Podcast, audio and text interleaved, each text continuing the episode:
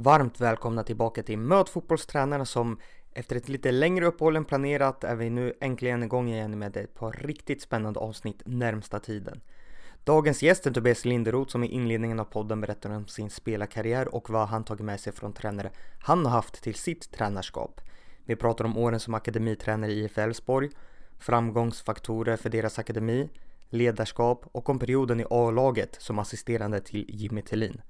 Avslutningsvis pratar vi om hans fotbollsidéer, känslan inför säsongen som huvudtränare i Skövde AIK i ettan södra, hur han vill spela med laget och mycket, mycket annat.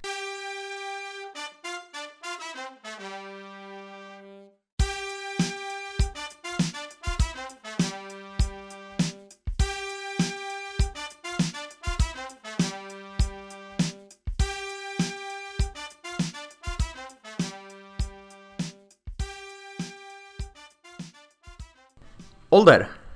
41. Familj? Eh, två barn. Bor? Bås. Bästa spelaren du har tränat? Eh, Abbe Senelli. Favoritlag? Uff, svår fråga. Eh, har varit Barcelona men tappat lite där. Förebild? Eh, som spelare så var det Guardiola var min stora idol. Eh, som tränare har jag många, många förebilder. Vilka skulle du säga att de du tar mest eh, och tittar på mest ute i Europa? Eh, nej men jag följer vissa, vissa tränare. Jag, jag, jag är lite svag för de här mindre lagen som gör mycket med, med små, små medel. Eh, Burnley, Sheffield United förra året var intressanta att följa. Eh, sen naturligtvis de skickliga tränarna Mourinho, Guardiola, Klopp. Är ju skickliga tränare som brottas med lite andra problem.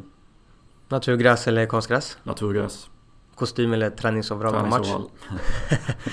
Vad gör du på match då?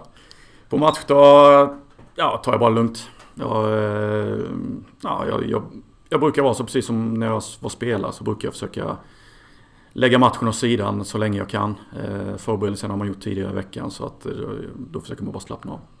Favoritsyssla utanför fotbollen? Det tar många promenader, läser mycket böcker, eh, umgås med mina barn. Läser du fotbollsböcker eller vad är det för genre? Ja, det är mycket, mycket faktaböcker, eh, mycket fotbollsböcker naturligtvis, självbiografier framförallt. Är det någon speciell du vill tipsa lyssnarna om? Ja, men det finns många bra. Just nu så läser jag Bielsa eh, lite grann, eh, har jag läst. Eh, men det finns många bra böcker, eh, framförallt många bra engelska böcker som om Mourinho, Guardiola, eh, Klopp. Eh, men även Bobby Robson som en favorit.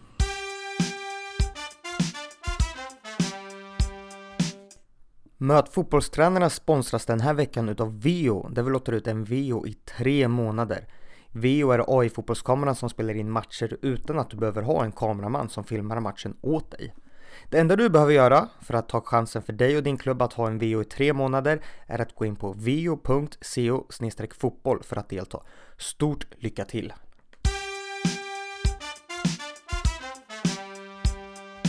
Varmt välkommen säger jag till Tobias Linderoth Möt fotbollstränarna. Tack så mycket. Hur är läget? Det är mycket bra är det. Det är väldigt bra. Det är fredag, vi sitter här i, på Skövdes fotbollsförbund och eh, solen skiner men det är kallt. Hur eh, har din fredag varit hittills? Den har varit väldigt bra. Jag har kört hit från, eh, från Borås eh, och förberett en träning i, i huvudet på vägen hit. Hur är det nu när du har tagit över Skövde? Hur har första tiden varit? Första veckan har varit kanon. Eh, det har varit eh, mycket nya intryck för mig naturligtvis. Eh, lära känna spelare och lära känna mm, staben runt omkring och, folket runt omkring. Och, men bara bra intryck än så länge. Och, och både av staden och spelarna och, och mina kollegor. Så det har varit en väldigt bra vecka. Kommer du pendla från Borås eller flytta hit eller hur ser det ut? Jag kommer dela upp tiden lite. Jag kommer pendla vissa veckor och så kommer jag bo här i varannan vecka ungefär. Så att, eh, kommer dela upp tiden lite grann. Hur lång tid tar det att åka från Borås? Det är en och en halv timme ungefär enkel väg. Så eh, det blir lite åka. Bra tid för att sitta och fundera och strukturera lite i huvudet under tiden när man åker? Ja men det är bra. Man kan koppla på och man kan koppla av eh, träningarna. Eh, och man får reflektera lite som man kanske inte hade gjort annars när man kommer hem och så rullar livet på vidare när man kommer hem innanför dörrarna. Men, men i bilen så finns det inte så mycket annat att göra än att, än att fundera och ringa samtal kanske. Som tränare har du ju nu blivit huvudtränare för Skövde AIK och som spelare har du ju en ganska lång och framgångsrik karriär med spel i landslaget, FC Köpenhamn och Everton bland annat. Är det någon speciell tränare du har haft som du har tagit inspiration av ifrån och lärt dig någonting som du inte har lärt dig av de andra? Eh, nej, jag har haft förmånen att haft många bra tränare. Eh, jag har ju varit i många klubbar också så eh, det har blivit en del tränare. Men, eh, nej, men jag, jag är ju, gillar ju de skandinaviska tränarna jag har haft. Eh, jag i landslaget så hade jag fantastiskt bra tränare med Tommy Söderberg och Lars Lagerbäck, eh, Roland Andersson. Eh, I klubblagen så hade jag Hasse Backe och Ståle Solbacken som var väldigt bra tränare. Eh, I Everton så hade jag David Moyes som kom in eh, eh, som väldigt skicklig tränare och kanske var före sin tid lite grann när han kom in i, i, i England på den tiden. Han var väl en tränare lite mer än bara en manager. Och i Turkiet så hade jag bara tränare med Frank Icard och, och Karl-Heinz Feldkamp. Så det var, det var skickliga tränare. Väldigt skickliga tränare. Och man har väl tagit lite av, av alla tränare man har haft, tror jag. Eh, lite, lite har man plockat ihop. Men det jag föredrar ju de, de skandinaviska tränarna på, på deras sätt, deras ledarstil framförallt. Har du haft någon kontakt med någon av dem som du nämnde nu och kunnat gjort, ja men stött och blöt lite del eller gjort eh, något studiebesök eller? Ja, men jag har ju kontakt. Jag har haft kontakt med Lagerbäck eh, naturligtvis. Eh, har man ju stött på också. Har man gjort även Hasseback. Ståle Solbacken har jag lite kontakt med fortfarande och gratulerar honom senast till hans, till hans nya jobb med Norge då. Eh, eh, så det är klart man har haft, haft kontakt där. Det har väl varit dålig på egentligen är väl att åka och... Eh, vilket kan vara svårt också med, med, Det finns ju inte riktigt tiden för att åka och träffa... Eh, träffa de här tränarna eller åka till de miljöerna. Eh, vilket man kan göra i framtiden kanske. Eh, eh, men det är klart man har haft kontakter med dem. Det har man haft. Vilka fördelar finns det som du tycker som du har tagit med dig från att du har varit spelare tills att du idag är tränare? Fördelen är väl att jag har väl upplevt eh, allting som spelarna har upplevt. Eh, jag vet vilka situationer de sitter i. Jag vet vilka, vad de olika nivåerna kräver. Eh, jag vet hur det är att göra resan från ungdomsspelare upp till, till seniorspelare. Jag vet hur det är att vara proffsspelare ute i Europa eh, och vara landslagsspelare. Eh, den erfarenheten har man med sig som spelare, eh, vad som krävs kanske. Och det är ju det är en fördel på det sättet. Sen är det ju en annan resa och, och och bli tränare. Eh, det är det ju. När började du få tankar om att bli tränare? Var det liksom under spelarkarriären när du hade de här stora namnen som du har nämnt eller kom det efter när du la skorna på hyllan? Ja, men de har väl alltid funnits med på något sätt. Jag kommer ihåg när jag satt ner på Strandvallen. Min pappa var ju tränare i Mjällby eh, på den tiden. Och han hade ju en lång eh, tränarkarriär. Ehm, då satt jag i, i hans kontor nere på Strandvallen och gjorde träningsprogram. Ehm, och då kan jag inte ha varit gammal, eh, 9-10 år kanske. Så att det har jag alltid levt med och jag, mm, så lång, länge jag kommer ihåg så var ju min pappa tränare i, i, Så jag har ju följt hans resa lite grann. Så att det har alltid legat nära, legat nära att, vara, att bli tränare. Eh, och sen är ju fotbollen, det har alltid lockat mig. Det, det är det bästa som finns. Just din pappa, hur mycket har han betytt för dig att, ja men att tränarkarriären är någonting som du verkligen vill satsa på? Nej, men det har betytt mycket naturligtvis. Både, jag hade han som spelare också. Han betydde mycket för min spelarkarriär. Han, han var skicklig med att utveckla unga spelare. Eh, och sen som tränare naturligtvis också. Jag har ju sett hans resa. Han har, han har gjort det bra. Han fick förmånen att träna många bra klubbar också och många bra lag. Så, eh, det är klart att eh, man tog med det och, och man såg ju hans, hans resa han gjorde. Pratar ni ofta om olika dilemman som uppstår som tränare? Hur man kan lösa olika situationer och ledarskap och träningsupplägg och så vidare? Ja, det blir det ju ofta. Eh, han är ett bra bollplank på det sättet. Han har ju, han har ju tränat både i eh, Sverige, Norge, Danmark eh, var tränare där och han vet ju de olika problemen man, man kan ha som tränare. Och, och det är klart att man, man bollar en hel del med honom. Det gör man. Har du haft någon lite som mentor eller har du haft någon annan som har hjälpt dig extra mycket i inledningen av tränarkarriären?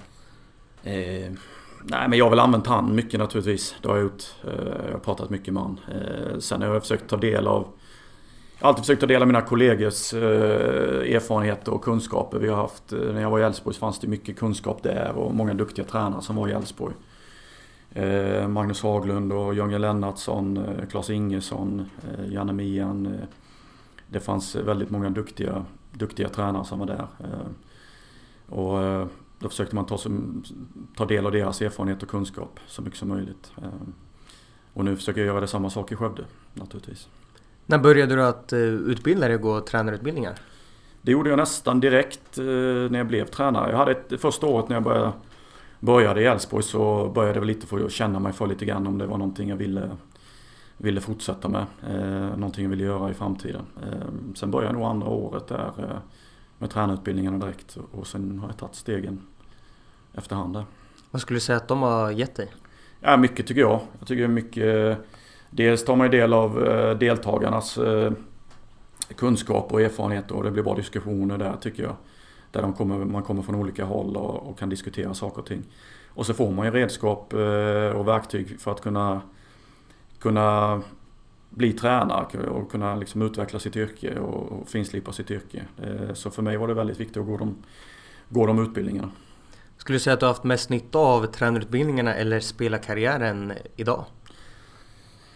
Eh, det är nog en blandning. Det är svårt att säga jag har en stor nytta av min spelarkarriär, det har jag ju tycker jag. Eh, men sen få lära sig yrket så var utbildningen viktig. Upplevde du några problem med att ta det här steget från att en dag är jag spelare och sen nu är jag tränare? Den här identiteten med sig själv som fotbollsspelare? Egentligen inte. Jag var väl rätt så... Jag hade ju nästan tagit ett år emellan där innan jag blev tränare. Så att jag hade ju...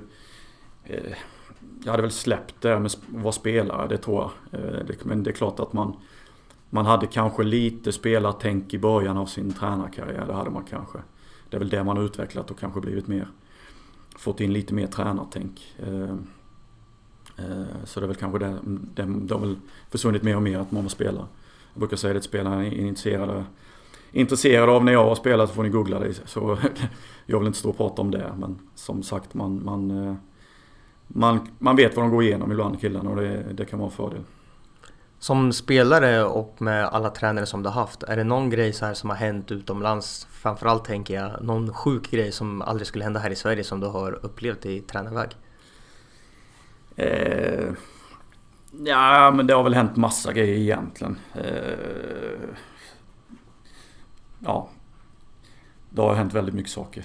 Men det är väl preskriberat nu höll jag Men det, är ju, det händer ju mycket saker, det gör det ju. Det är ju det är väldigt högt i tak. Eh, framförallt utomlands så är det ju professionella fotbollsspelare och, och många, många stora egon som ska formas till ett lag. Och ibland så kan det, kan det blixtra till i både omklädningsrummet och på träningsplanen. Det, det händer titt som tätt det där. Men eh, det jag fick med mig ofta det var att Eh, i de klubbarna jag var, det var att eh, man lärde sig att bli professionell fotbollsspelare. Eh, det var jäkla...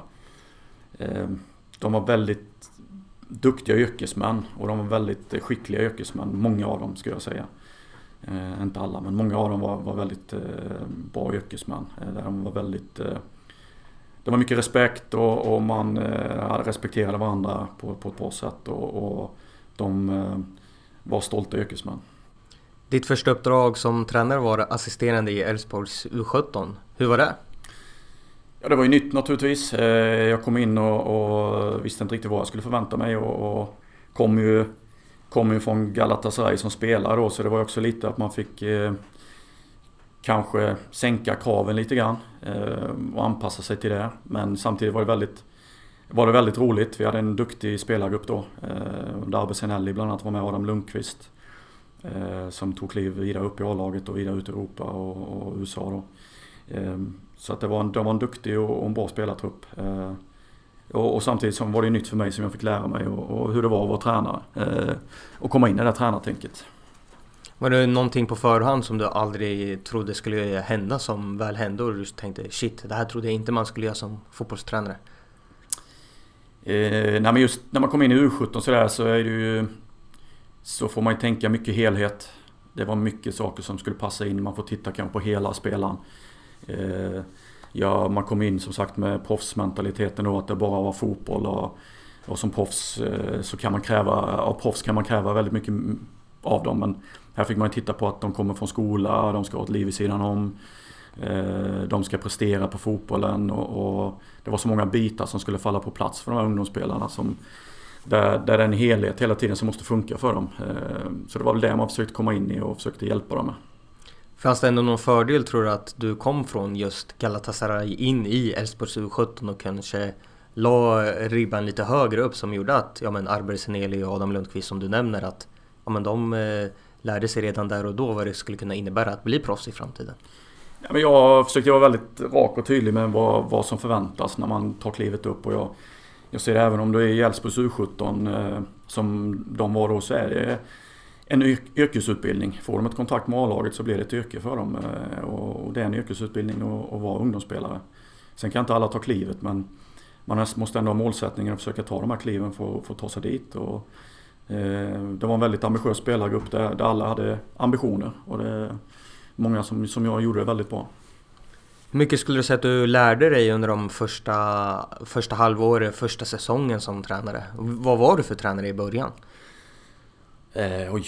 Eh, jag lärde mig väldigt mycket till att börja med. Eh, och i början så var det väl mycket man, hade, man plockade ihop lite övningar man hade haft som, eh, som eh, olika tränare haft. Man har haft då i, i lagen och som man tyckte var bra. Sådär.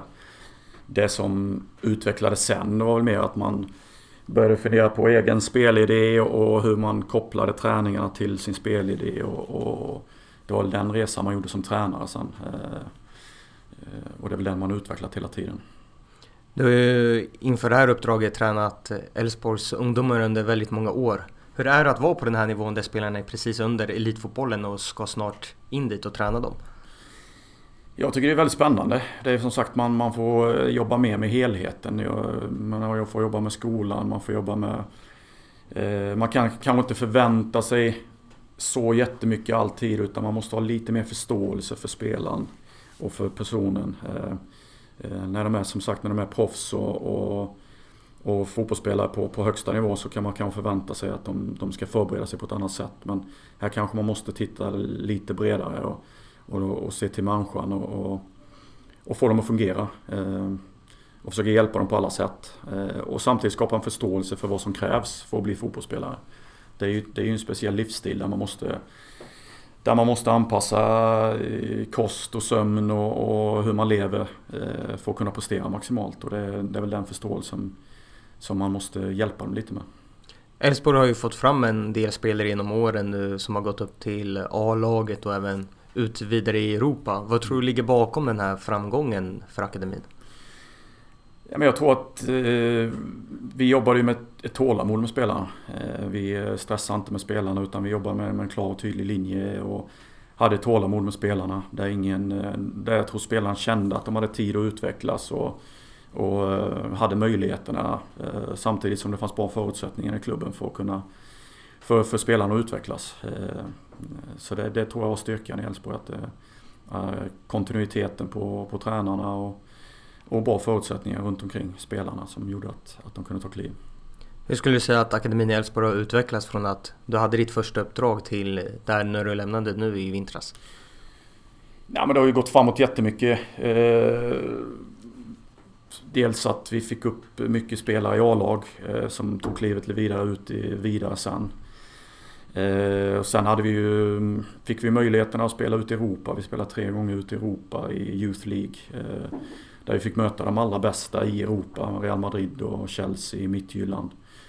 Som har väldigt bra akademier och ungdomslag. Eh, vilket gjorde att man kunde se vad var den högsta nivån ute i Europa på eh, i den åldern. Och det är ju där fick, fick ju spelarna se att det här krävs om man ska, ska ut i Europa och kunna vara med och hävda sig mot de här lagen. Eh, så att vi fick ju hela tiden, vi tog ju små steg hela tiden.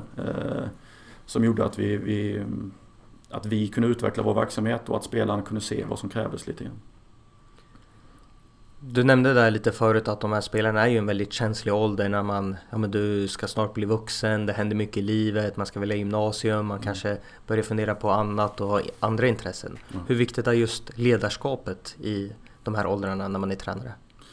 Ja, det är viktigt tror jag, att man måste vara jag tror man måste vara tydlig med vad som krävs eh, vad man förväntar sig. Samtidigt som, som man måste ha en förståelse för vad de går igenom. Eh, där, det, där det inte alltid är lätt att få ihop eh, helheten. Man måste kunna ha lite förståelse också att man kanske har en lång bortamatch, bortaresa till, på en söndag kväll och så ska de till skolan på, på måndag morgon igen. Och, och det kanske inte är helt lätt. Framförallt då kanske inte om du har du kanske inte har spelat matchen utan att ha suttit på bänken och, och ska göra en lång resa och sen ska du tillbaka igen. Och, eh, det, det jag försökte hela tiden göra det var att jag försökte utveckla alla spelarna i gruppen så mycket jag kunde. Eh, och försökte ge dem så mycket jag kunde. Eh, och det hoppas jag att jag har lyckats med så mycket som jag ville göra naturligtvis. Eh, och, och försökte göra. Eh, men det var min målsättning i alla fall, att man försöker jobba med alla spelarna så mycket som möjligt. På vilket sätt menar du då? Att ge individuell feedback och jobba med videoklipp eller ute på planen? Jag är en tränare som försöker göra så mycket som möjligt ute på planen. Man kan förstärka saker med videoklipp och individuella samtal och sådana grejer. Men jag försöker ändå ge dem så mycket tid som möjligt på planen. Eh, och det är ganska svårt då om man har 20 plus i en spelartrupp eh, naturligtvis. Men, men eh, man kanske kan dela upp träningarna och, och med de som spelade och de som inte spelade så mycket och sådär och försöker ändå ge dem så mycket man kan då. Så även om det är svårt med en stor spelartrupp. Under en period så var du ju även assisterande i A-laget till Jimmy Tillin. Hur mm. ser du tillbaka på den perioden? Ja, det var en erfarenhet, det var det. Eh, som var spännande naturligtvis att jobba med, med seniorerna. Jag hade haft många av de spelarna innan eh, i ungdomslagen. Sju, åtta spelare i alla fall. Så jag kände ju, kände ju till spelartruppen väl. Eh, det gjorde jag. Det svåra för mig var kanske att hitta min, min roll i det eh, lite grann. Jag visste kanske inte riktigt eh, eh vad min roll riktigt var där. Så jag var ju en länk mellan, mellan U21, ungdom och, och, och A-laget. Eh, men hittade kanske inte min roll riktigt.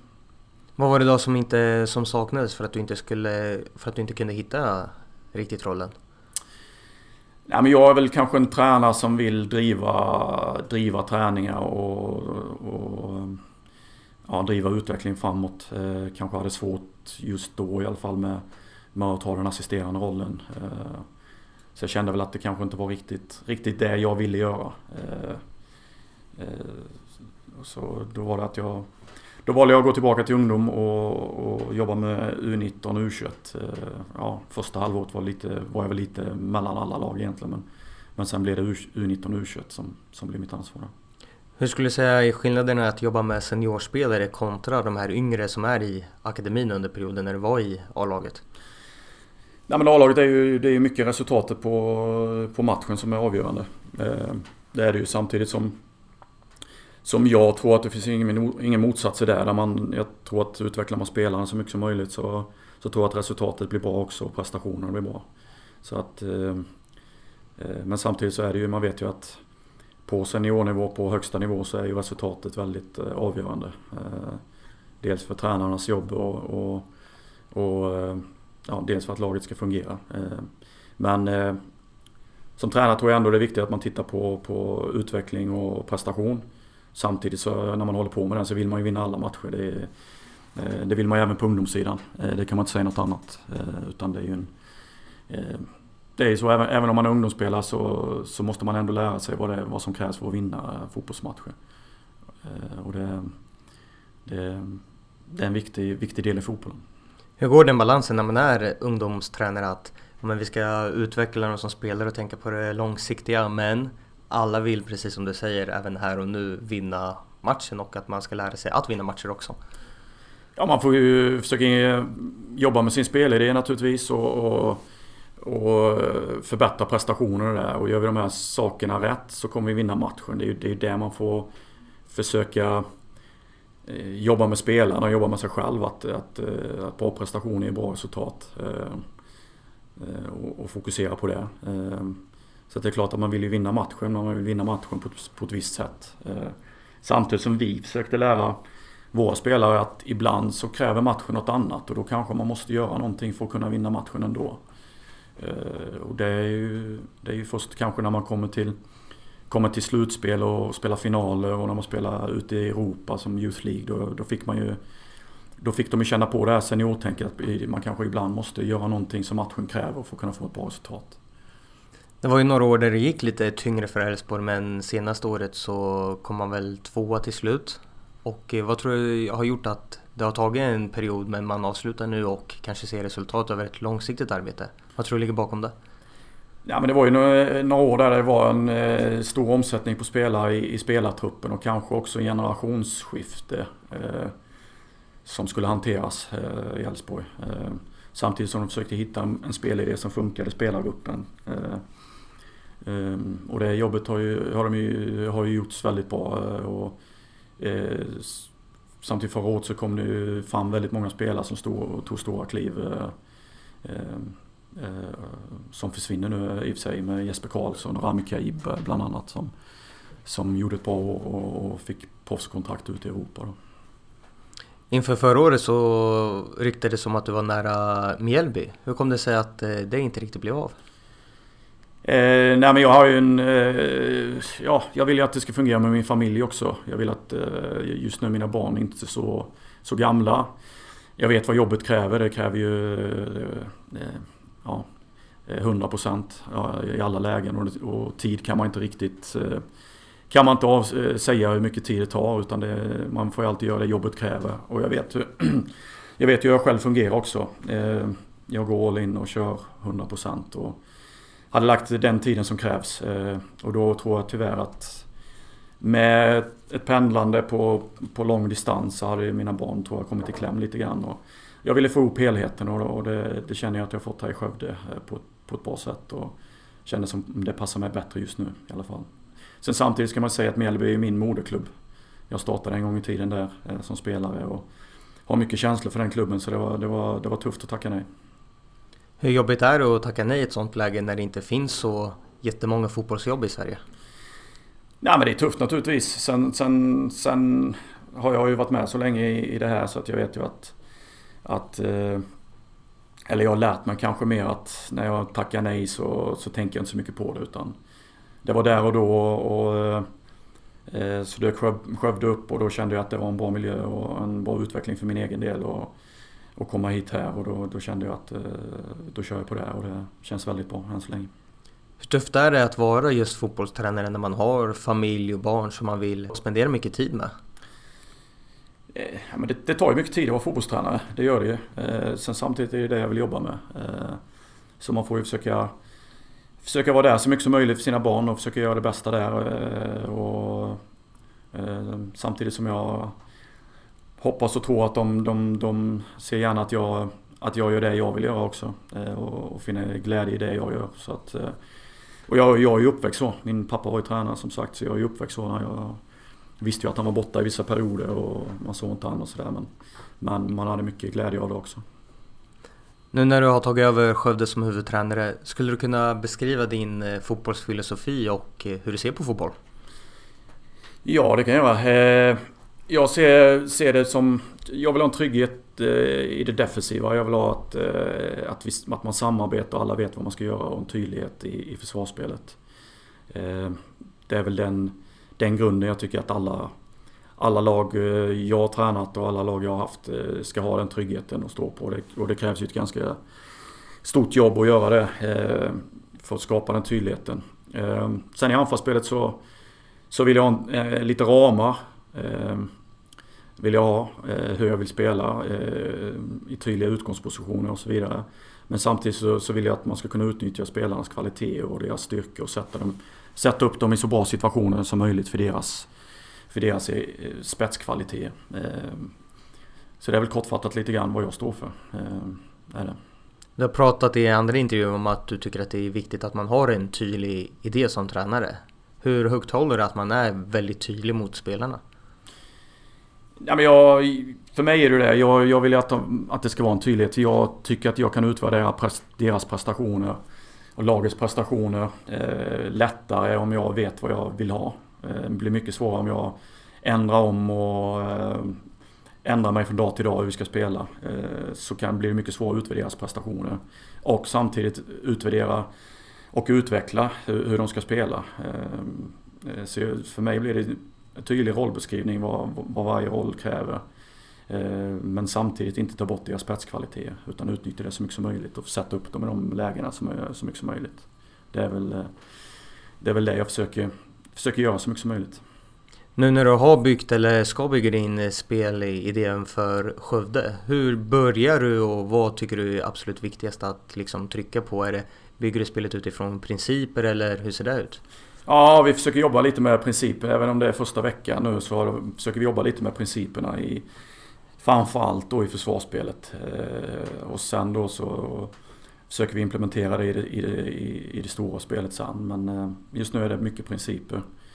Eh, och det är ju allt, försöker göra det i allt, allting vi gör. Så försöker vi ta med alla de här försvarsspelsprinciperna. Och sen då kommer vi titta lite längre fram och försöka få ihop det i, i, i det stora spelet. Och titta lite mer på, på spelsystem och så vidare. Ja, kommer vi göra. Kan du ge något exempel på en princip under första veckan nu som ni har tränat på från, ja, men från början av träningen till kanske ett spel i träningen? Hur har det sett ut?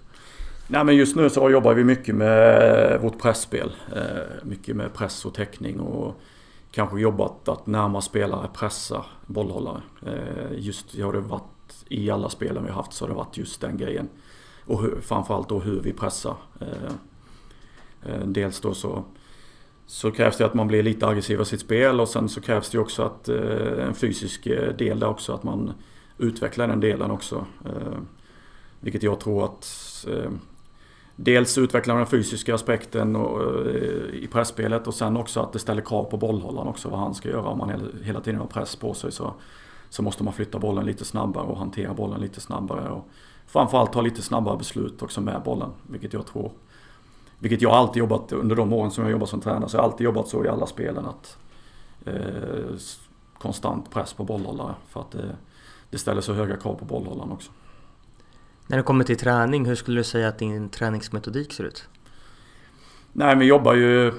Jag försöker jobba så mycket som möjligt eh, utefter mina principer. Jag försöker jobba så mycket som möjligt funktionellt. Eh, försöker, jag försöker alltid ha medspelare, motståndare med i de övningarna jag gör. Eh, det är klart att man kan jobba lite isolerat eh, i en del av träningen men försöker snabbt komma in och försöker jobba funktionellt.